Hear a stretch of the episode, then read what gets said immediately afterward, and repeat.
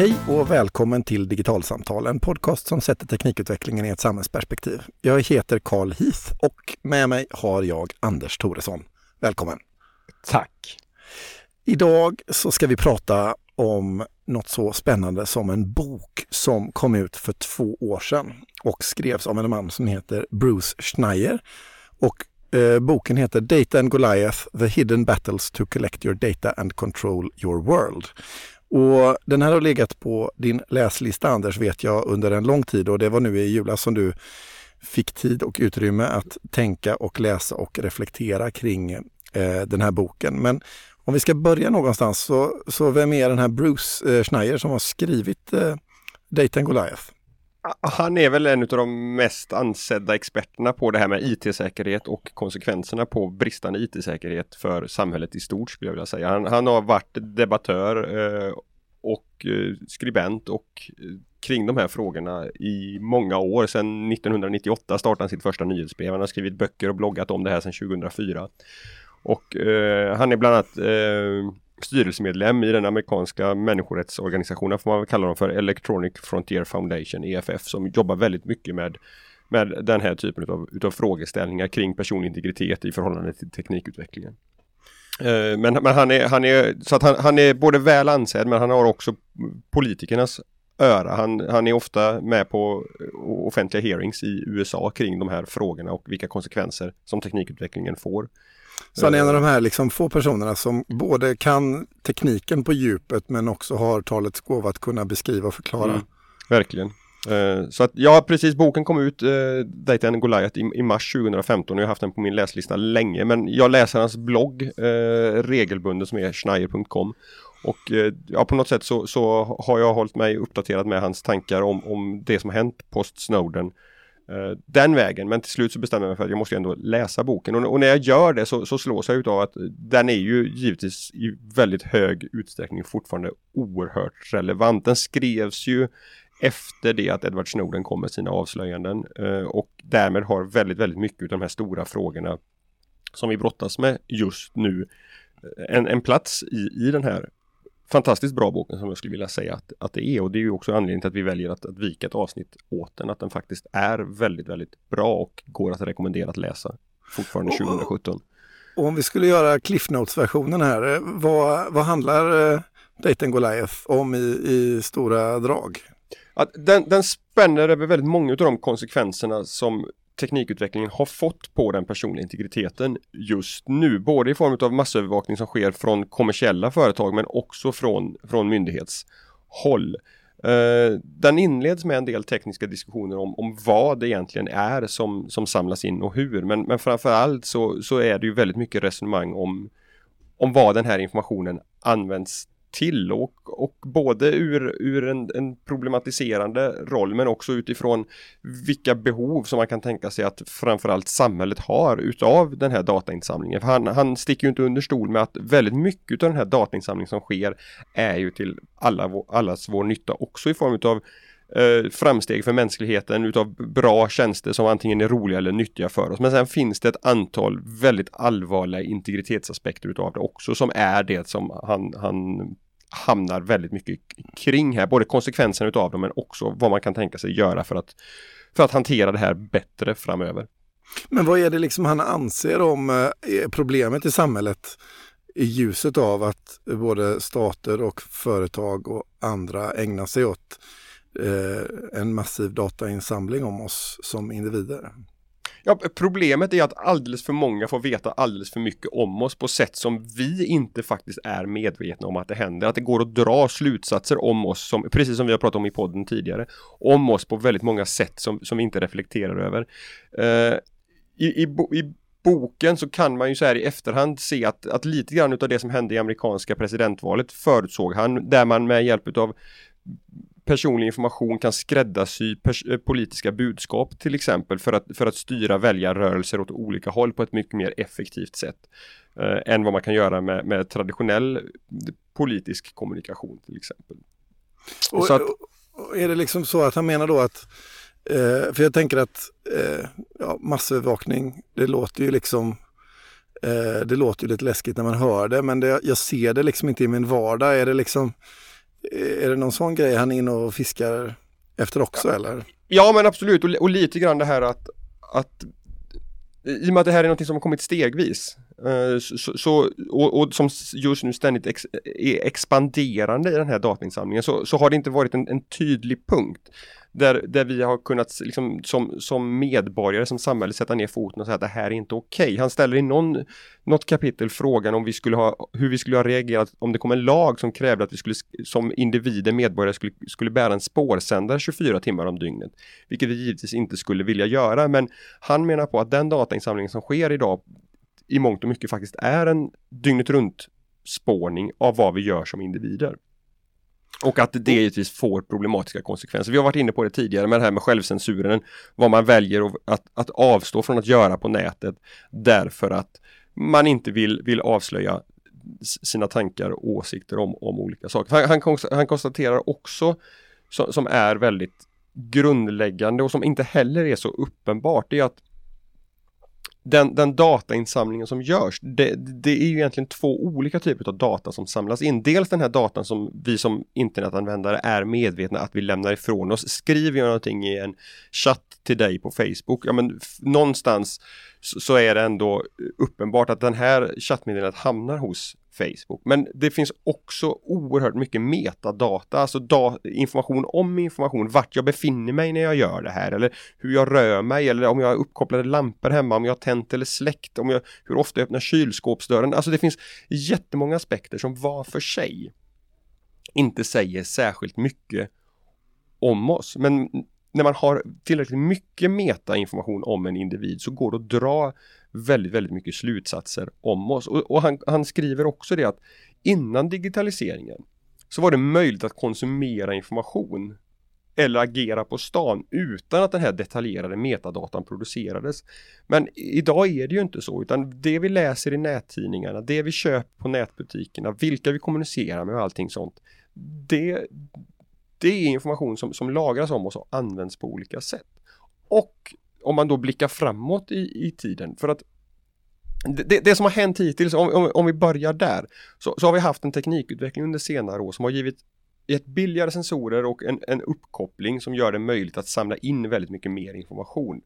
Vi får, har fått en billigare datalagring vilket innebär att man som företag eller myndighet inte måste vara lika selektiv i vad man väljer att spara och hur länge man sparar det. Utan man kan välja att ligga på data även om man i nuläget inte har en aning om vad den kan vara bra till eller eller när den kan vara, kan vara nyttig. Så i och med att det har blivit så billigt att lagra information så, så, finns det ingen anledning att göra sig av med den. Det kan nästan vara dyrare att skapa rutiner för att radera och gallra informationen än att spara på all information. Och slutligen då eh, hela den här big data explosionen som har kommit och då pratar jag inte om, om datan i sig utan de verktygen som har kommit gör det möjligt att, att dra väldigt, väldigt mycket mer långtgående slutsatser om den här datan, att omvandla data till information. Och det är liksom där vi är nu. Och vad han är liksom inne på någonstans, om jag har förstått det rätt, det är ju att eh, det här har skett liksom långsamt och stegvis. Och mm. När man bygger en tjänst så, så är kanske inte integritets och datafrågorna det som ligger i första kurvan, utan, utan man vill eh, bygga en så optimal tjänst som möjligt för sina användare. Ja, och, och, där, och där kanske till och med är så att, att mycket data är det som man inbillar sig är det som blir den optimala tjänsten. Och, och, och, och, så samlar man på sig den här datan eh, i företaget eller myndigheten eller vad det kan vara. Och, och, men vad är det han liksom, hur, hur ser han eh, att datan som ligger där eh, är ett problem? Är det, eh, vad är det för, liksom, vilket perspektiv är det han vill lägga på frågan eller hur beskriver han det här som eh, och, och vad, vad, ska vi, vad är det man behöver göra så att säga? Alltså problemet som man, som man ser det är ju att vi vet inte hur den här datan används. Dels, vilket, vilket dels kan ge de här självcensursakerna, aspekterna, men också det här att, att vi kommuniceras med på ett sätt som vi inte är medvetna om hur, hur skräddarsytt det är för oss. Så att han, han lyfter fram en uppsjö med olika problem med det här, men han ser också en väldigt många olika liksom, vägar att gå framåt. Det, det, finns något som kallas för data minimization till exempel, att man inte ska använda mer data än vad man faktiskt behöver. Han, han tar Waze, den här bilnavigationstjänsten som bygger på crowdsourcing som ett exempel. Där han menar på att man behöver inte samla in information om alla fordon som befinner sig i ett område för att kunna säga någonting om hur trafiksituationen är där utan man kan nöja sig när man har samlat, när man har samlat in så mycket information som faktiskt behövs. Och den här typen utav att, att fundera på att vara lite kritisk som, som utvecklare till vilken typ av information är det vi faktiskt behöver menar han på att man behöver göra mycket oftare. Han, han skriver han. Ja, du, du pratade tidigare när vi eh, snackade om boken om att han använder ett begrepp som datautsläpp. Ja, det var precis dit jag tänkte komma. Han, han skrev att data is the exhaust of the information age.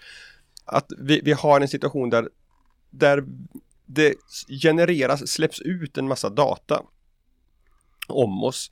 Men det finns egentligen inget regelverk för hur den här, de här datautsläppen i vilken utsträckning de ska vara okej. Okay. Um, och han menar på att det här måste bli, de här utsläppen måste regleras på samma sätt som utsläpp från en fysisk fabrik regleras. Att det måste vara dyrt att göra utsläppen oavsett om de orsakar en skada eller inte därför att utsläppen i sig är en risk.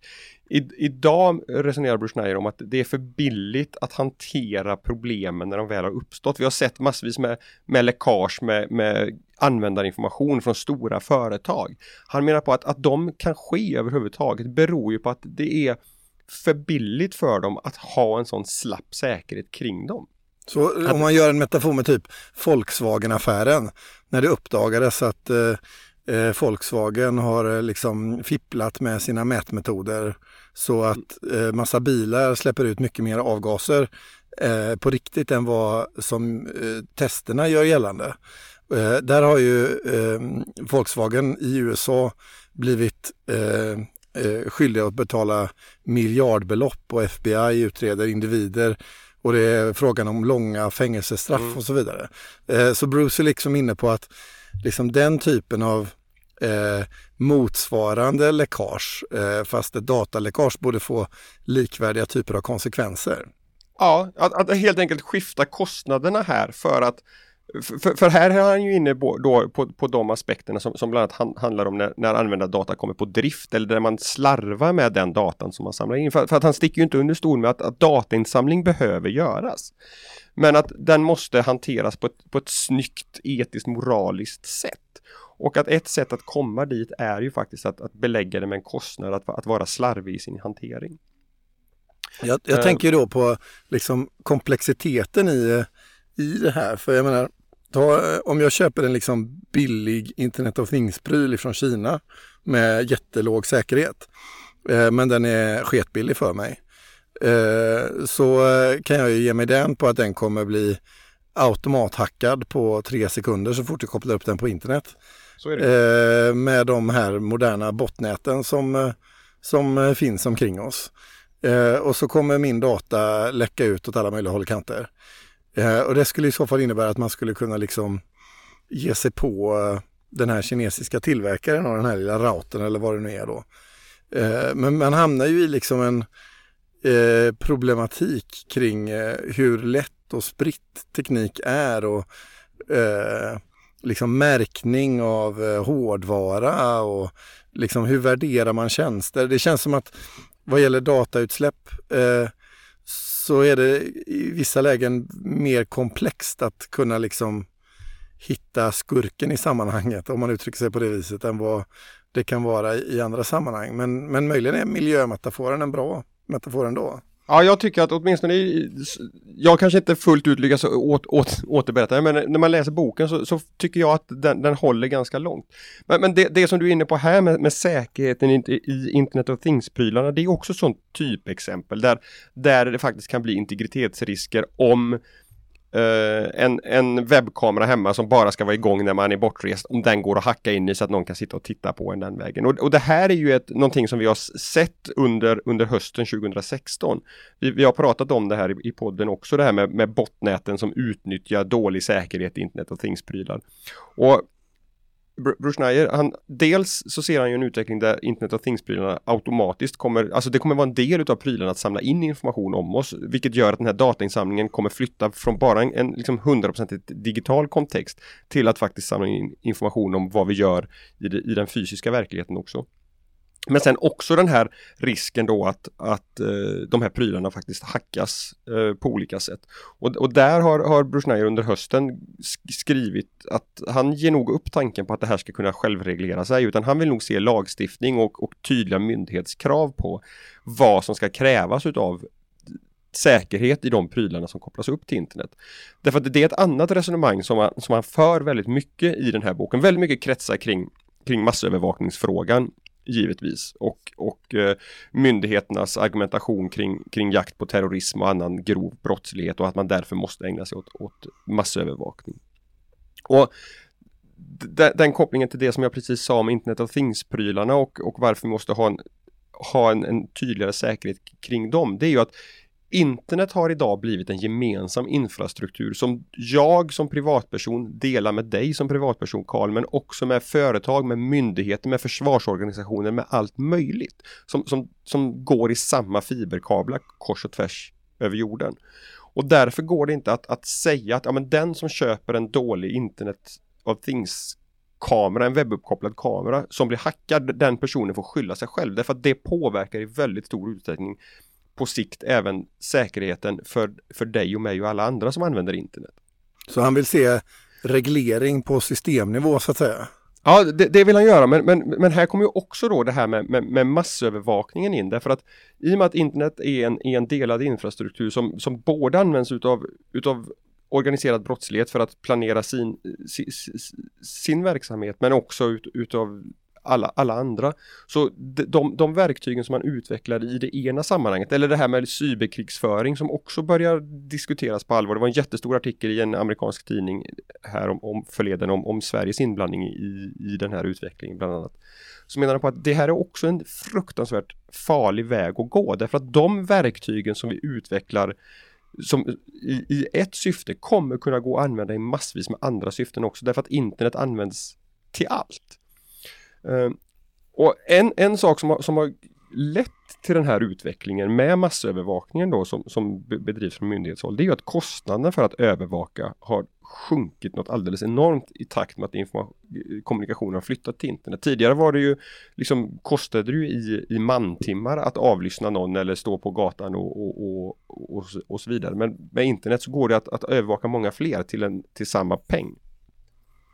Um, men det, det, det, han menar på är att, att kryp, det är därför kryptering är, är så viktigt menar han på. Därför att det höjer kostnaden för massövervakning och driver fram en riktad övervakning utav de personerna som man faktiskt har anledning att misstänka att de ska, ska begå ett brott. Och han för bland annat ett resonemang kring det här med eh, polistrojaner som ju också är uppe till, till debatt här i Sverige om, om svensk polis ska få plantera trojaner på, på brottsmisstänkta. Det vill säga så att skräddarsydd mjukvara som är tänkt att hacka en annan persons data för att samla in information.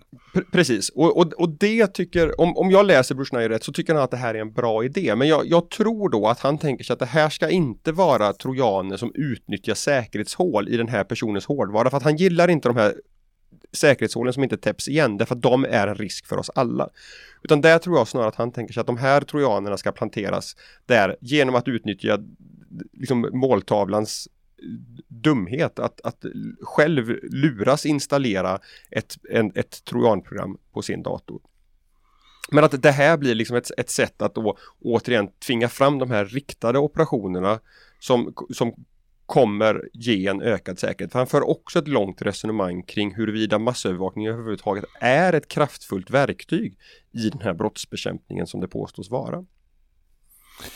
Vad menar Bruce på att jag som medborgare eller individ kan göra i det här sammanhanget? För han, du är inne på att liksom, väldigt mycket av det här handlar om statens uppgift eller lagstiftarens uppgift. Vi behöver ha eh, Eh, reglering, vi behöver ha bättre styrning och kontroll över liksom, på vilket sätt data används. Vi behöver ha en större en skärpning i lagstiftningen vad gäller liksom, vad det kostar om man släpper ut data eh, som innebär ett integritetsintrång på individer.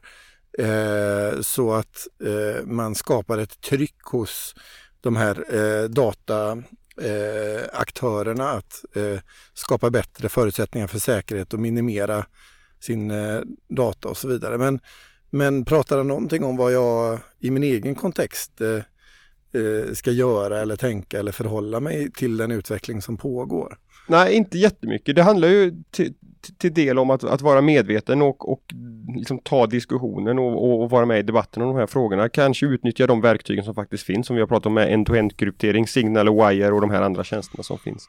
Men, men delvis kopplat till det som du, som du tar upp nu är, finns också en oro över det faktum att politiker idag, vilket vi också då, som vi pratade om tidigare, redan har sett i den amerikanska eh, presidentvalskampanjen och säkert kommer få se i svenska eh, riksdagsvalet nästa år och så vidare. Det är att politiker har ju börjat använda samma typ utav eh, datainsamling och, och, och, metoder som det kommersiella näringslivet. Så att, så att Bruce Schneier är, är, orolig för att tåget till viss del kanske redan kan ha gått här att få, att få fram en, en bra lagstiftning på de här frågorna. Därför att politiker och, och, näringsliv sitter delvis i samma båt här och använder samma typ utav, utav datakällor och samma typer av analysverktyg fast i, i delvis olika syften. De ena vill sälja en vara eller en tjänst och de andra vill sälja ett politiskt budskap. Så eh, liksom, den upplevda nyttan för det politiska partiet är högre än vad debatten om riskerna med själva mm. utövningen är helt enkelt. Mm, lite så. Uh, däremot så, så är han, alltså han avslutar ändå ganska positivt. Han, han, han, han tror att det kommer att ta tid men att, att, att det kommer ta något decennium kanske i värsta fall men att vi sen kommer se den här datainsamlingen liksom på den, på den nivån och på det sättet som görs idag som något lika omoraliskt som, som barnarbete eller slaveri. Att, att det här är en, en övergångsfas där, där vi liksom, som vi har hamnat i utan att, att riktigt vara medvetna om vad det egentligen var som skedde. Men förr eller senare tror jag så kommer det gå upp för, för en, en bred allmänhet vad det faktiskt är som försiggår och då kommer det komma till en förändring. Men inte egentligen förrän vi ser allvaret eh, i situationen eh, och problemet rakt på så, så kommer detta ske. Nej, helt enkelt. Precis. Utan än så länge så är frågan lite för tyst och lite för diffus för att Ja, det är väl därför han har skrivit boken också, därför att, att uh, nå ut bredare med de här resonemangen kan jag tänka. Vi kommer ju följa upp den här frågan eh, många gånger framöver föreställer jag mig i andra kontexter. Eh, för det är ju ett av de centrala temana kring samhällets digitalisering, just hur vi förhåller oss till data och hur eh, kommersiella och offentliga intressen förhåller sig till den och, och eh, samspelet däremellan. Eh, men för den här gången så rundar vi av. Eh, surfa gärna iväg och gilla våran sida Digitalsamtal på Facebook där vi postar alla avsnitt och har diskussioner. Men många diskussioner pågår också i Facebookgruppen Digital samhällskunskap där vi ihop med över 3000 andra diskuterar, utbyter tankar och idéer. Eh, så haka på diskussionen där. Har ni frågor till oss, hör gärna av oss eh, av er till oss. Vi finns ju utöver på Facebook, på Twitter till exempel, på ett digitalsamtal. Och är det så att ni prenumererar i någon poddspelare på eh, vårt program så gå gärna in och recensera och betygsätt. För ju fler som gör det, ju högre hamnar vi i sökresultat och ju fler får möjlighet att hitta till oss. Så till nästa gång, hej då! Hej då!